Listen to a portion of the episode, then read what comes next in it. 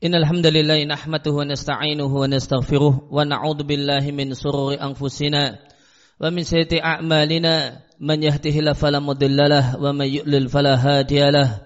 وأشهد أن لا إله إلا الله وحده لا شريك له. وأشهد أن محمدا عبد ورسوله صلى الله عليه وعلى آله وصحبه وسلم. Ya ayyuhalladzina amanu taqullaha haqqa tuqatih wa la tamutunna illa wa antum muslimun. Ya ayuhan nasu taqu rabbakum alladzi khalaqakum min nafsin wahidah wa khalaqa minha zawjaha wa batha minhuma rijalan katsira wa nisaa'a wattaqullaha alladzi tasaaluna bihi wal arham Inna Allaha kana alikum raqiba. Ya yaladina amanu taqullaha wa kulu qawlan sadida. Yuslih lakum a'malakum wa yaghfir lakum dhunubakum wa may yuti'illaha wa rasulahu faqad faza fawzan 'azima.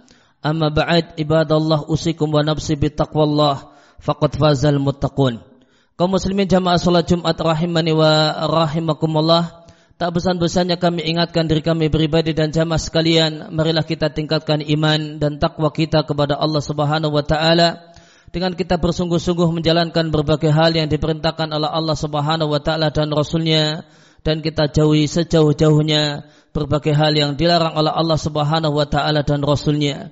Karena sungguh mulia dan tidaknya seorang hamba itu tolak ukurnya bukanlah karena harta, bukan karena kekuasaan dan tahta, bukan pula karena gemerlapnya dunia, namun semata-mata karena iman dan takwa kepada Allah Subhanahu wa taala. Inna akramakum indallahi atqakum. Sesungguhnya manusia yang paling mulia di antara kalian adalah yang paling bertakwa kepada Allah Subhanahu wa taala kaum muslimin jamaah salat Jumat rahimani wa rahimakumullah tentu kita semua ingin menjadi manusia-manusia yang berbahagia manusia yang mendapatkan ketenangan hati ketenangan jiwa bukan hanya bahagia di dunia namun juga bahagia di akhirat semua kita ingin menjadi manusia yang beruntung manusia yang mendapatkan apa yang diharapkan dan terhindar dari berbagai hal yang dikhawatirkan dan ditakutkan. Oleh karena itu maka kita patut untuk menyimak dan memperhatikan perkataan Ibnul Qayyim rahimallahu taala kitab di kitabnya Al-Wablus Sayyib. Beliau mengatakan wa ya ja'alakum mimman idza an'ama alaihi syakara wa idza betulia sabara wa idza athna bastaghfara fa inna hadhihi al-umur thalathata unwanu sa'adatil abdi wa alamatu falahihi fid dunyahu wal ukhrahu. Maka Ya, ketika seorang itu Allah jadikan jadi orang yang jika mendapatkan nikmat dia bersyukur dan jika dia mendapatkan cobaan dia bersabar dan jika terjumus dalam dosa maka segera insaf dan sadar bertobat dan beristighfar. Maka siapa yang memiliki dan ada pada dirinya tiga hal ini maka beliau katakan maka ini adalah unwanu sa'adatil abdi. Maka ini adalah tanda kalau dia adalah seorang hamba yang berbahagia. Dan ini adalah tanda kalau dia adalah manusia yang beruntung, manusia yang sukses, manusia yang mendapatkan apa yang semestinya diharapkan dan terhindar dari apa hal yang dikhawatirkan dan ditakutkan. Dan dia adalah seorang yang sukses di dunia wa ukhrahu, bukan hanya di dunia namun juga di akhirat. Kaum muslimin jamaah salat Jumat rahimani wa rahimakumullah. Kenapa seorang yang berbahagia dan orang yang sukses adalah orang yang ada padanya tiga hal di atas. Bersyukur ketika mendapatkan nikmat, bersabar ketika mendapatkan musibah dan kesulitan, ber, kemudian bertobat dan insaf ketika terjumus dalam dosa dan maksiat. Tidak lain dan tidak bukan karena seorang hamba tidak akan pernah lepas dari tiga situasi ini, tiga kondisi ini. Kita hanya berpindah dari kondisi yang kondisi yang pertama kemudian berpindah pada kondisi yang kedua. Kemudian setelah berada di kondisi kedua berpindah pada kondisi yang ketiga dan uh, dan ibadah kepada Allah Subhanahu wa taala di masing-masing kondisi adalah sebagaimana yang disebutkan.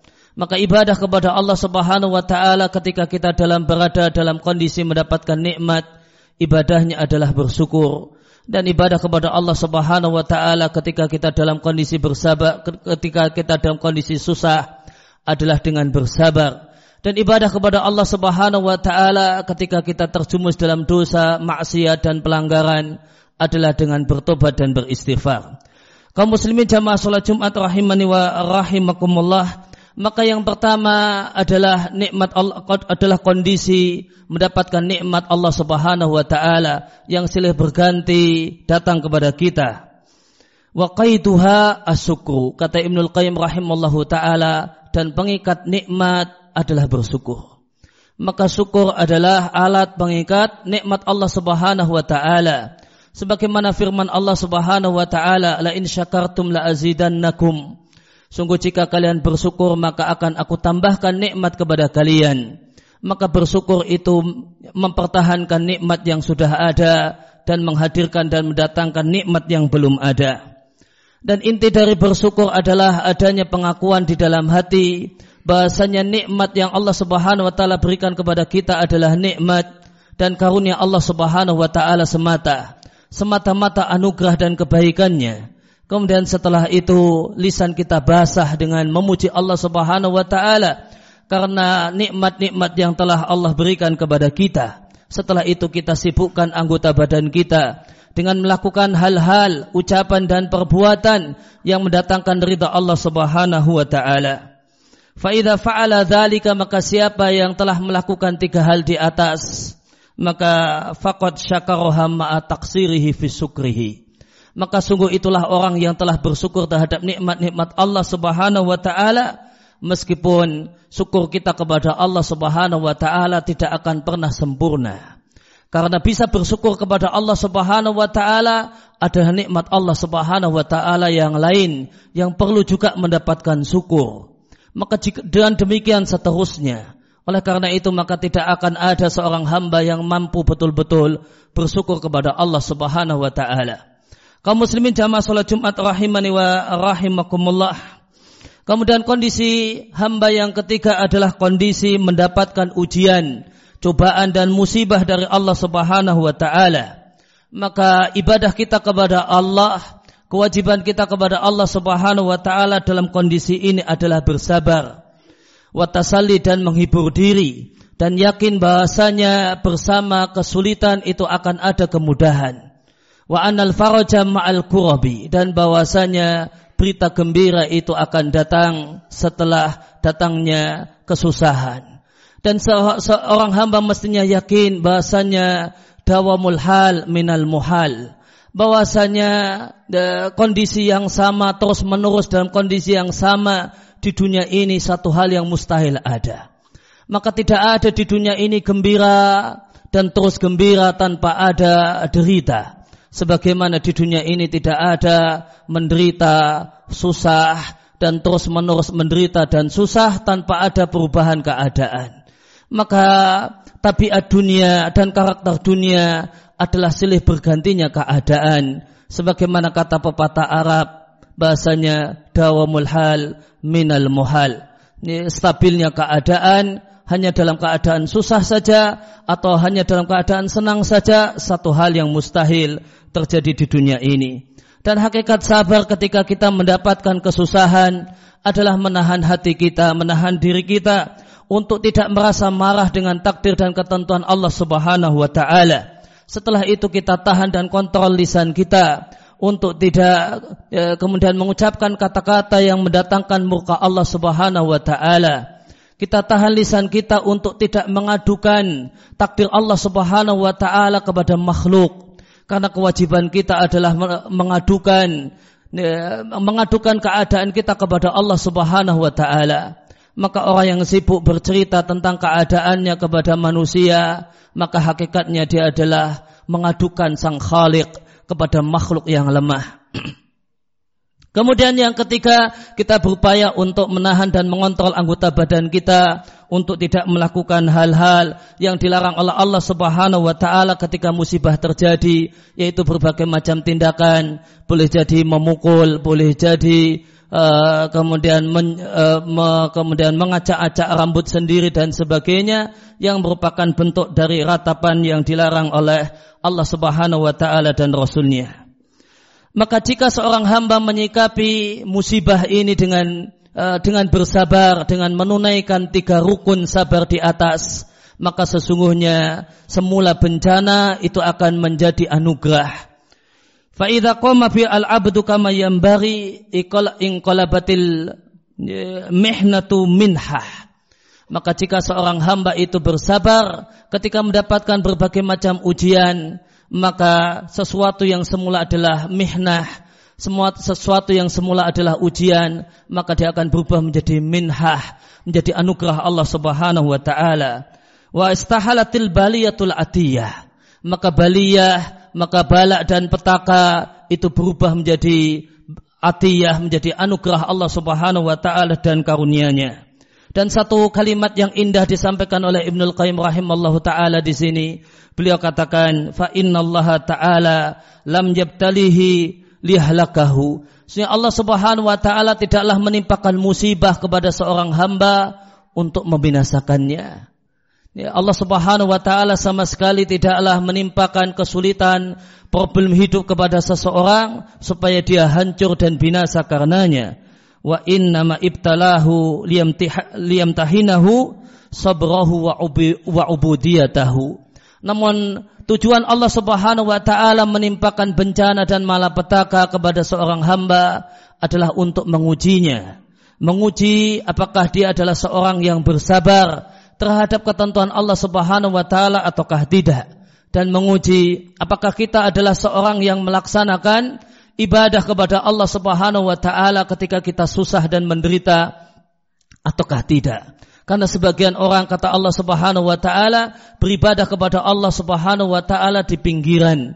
Maka jika dia mendapatkan nikmat, maka dia semangat, mantap berislam, semangat dalam beribadah kepada Allah Subhanahu wa taala. Non ketika mendapatkan cobaan dan musibah, maka inqalaba ala wajhihi, maka berubah, tidak kenal Allah Subhanahu wa taala, berubah, tidak lagi kemudian semangat berislam, tidak lagi semangat untuk beribadah kepada Allah Subhanahu wa taala. Maka Allah Subhanahu wa taala menguji kita dengan berbagai macam musibah, kesulitan, problem ya, ekonomi, problem keluarga dan yang lainnya. Tujuannya adalah untuk melihat kita apakah kita menjalankan ubudiyah, penghambaan diri kepadanya ketika kita mendapatkan kesusahan ataukah tidak.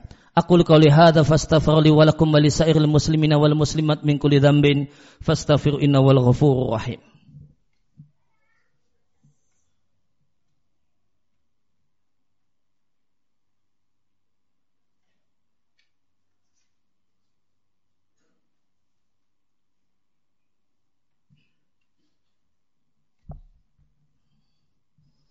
Alhamdulillahilladzi hadana li hadza wa ma kunna linahtadiya laula an hadana Allah. Laqad ja'at rusul rabbina bil haqq wa nutu antilkumul jannatu uristumuha bima kuntum ta'malun. Wa asyhadu an la ilaha illallah wahdahu la syarikalah wa asyhadu anna Muhammadan abdu wa rasuluhu sallallahu alaihi wa ala alihi wa sahbihi wasallam amma ba'd ibadallah usikum wa nafsi bitaqwallah faqad fazal muttaqun kaum muslimin jamaah salat Jumat rahimani wa rahimakumullah. Keadaan ketiga dari seorang hamba adalah kalah dengan godaan setan, melakukan khilaf, terjumus dalam khilaf dan kesalahan, melakukan pelanggaran, melakukan maksiat dan dosa kepada Allah Subhanahu wa taala. Dan tugas kita dan ibadah kita kepada Allah Subhanahu wa taala ketika ini terjadi adalah dengan kita insaf dan sadar bertobat dan beristighfar kepada Allah Subhanahu wa taala sehingga ya, dengan ya, Allah Subhanahu wa taala memberikan kepada kita hal ini maka kita sadar bahwasanya kita adalah seorang hamba yang membutuhkan ampunan Allah Subhanahu wa taala. Kita adalah seorang hamba yang hina dina yang selainnya hanya kita merengek-rengek memohon ampunan dan karunia-Nya. Dan ketika Ketika maksiat itu kemudian berbuah kesadaran semacam ini, akhirnya membuahkan semangat dan tekad untuk lebih sungguh-sungguh beribadah dan mendekat kepada Allah Subhanahu wa taala, maka dosa dan maksiat ini bisa jadi malah mengantarkan seorang hamba kepada surganya. Sebagaimana perkataan salah satu ya, salafus saleh, ada di antara mereka yang mengatakan innal abda la ya'malu dhanba yadkhulu bihil jannata Sungguh ada manusia yang berbuat dosa, namun dosa itu malah sebab dia masuk surga. Wa ya'malul hasanata fayadkhulu biha an-nara. Namun ada orang yang sibuk dengan amal ibadah, namun ternyata amal ibadahnya ini malah menjadi sebab dia masuk neraka. Mendengar ucapan beliau, maka orang-orang di sekitarnya bertanya, Kaifa, bagaimanakah itu terjadi? Kenapa dosa malah mengantarkan kepada surga dan amal kebajikan dan ibadah pada sebagian orang malah mengantarkan ke neraka? Maka beliau mengatakan, beliau katakan bahasanya ada seorang yang berbuat dosa. Lantas dosa itu selalu terkenang dalam dirinya. Selalu eh, terlihat jelas di antara dua matanya. Sehingga setiap hari dia dirundung rasa takut dan khawatir setiap hari dia kemudian menangis dan menyesal. Setiap hari dia merasa malu kepada Allah Subhanahu wa taala. Setiap hari dia menundukkan kepala di hadapan Allah Subhanahu wa taala. Mungkasiral qalbi lahu dan ambiar sudah seluruh hatinya di hadapan Allah Subhanahu wa taala. Maka ketika seorang itu berbuat dosa dan inilah yang terjadi, maka beliau katakan fayakunu dzalika dzanbu an fa'alahu min ta'atin katsiratin. Maka jadilah dosa yang terjadi tersebut jauh lebih bermanfaat dari sekian banyak ketaatan yang dia lakukan. Maka karena sebab uh, karena sebab dosanya tersebut maka dia menjadi ya, maka mengantarkannya untuk semakin dekat kepada Allah Subhanahu wa taala sehingga dosanya itu menjadi sebab dia masuk surga Allah Subhanahu wa taala. Sebaliknya ada orang yang yaf'alul hasanata. Ada orang yang melakukan amal kebajikan, amal ibadah.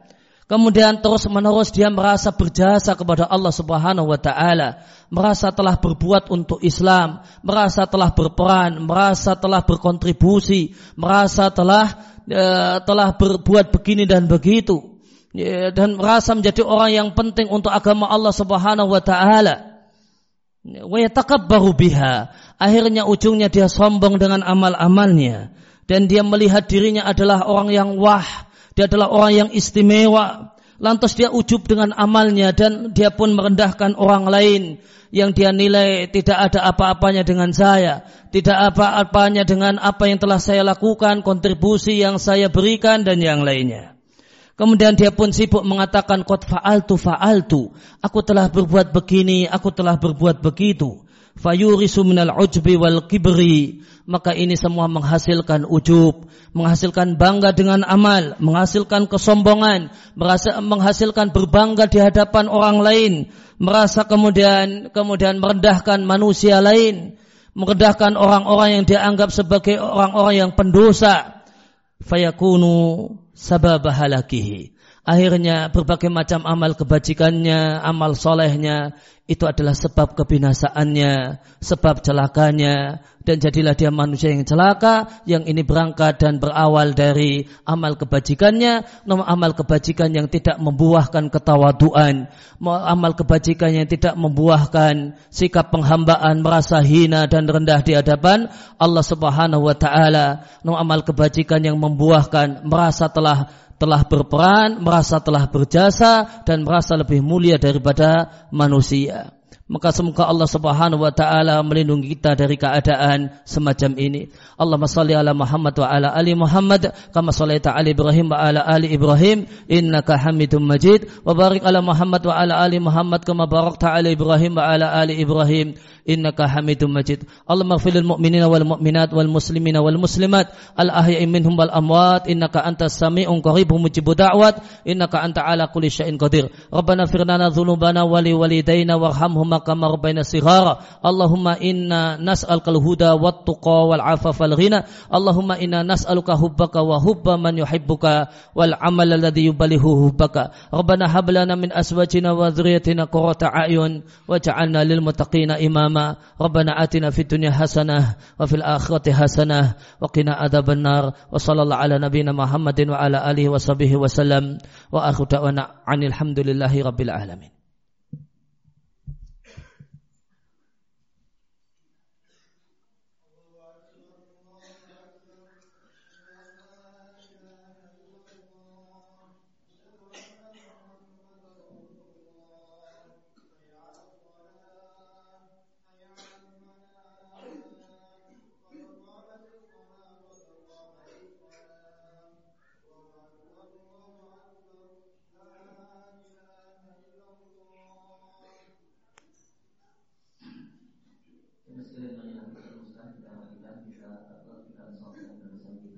so far,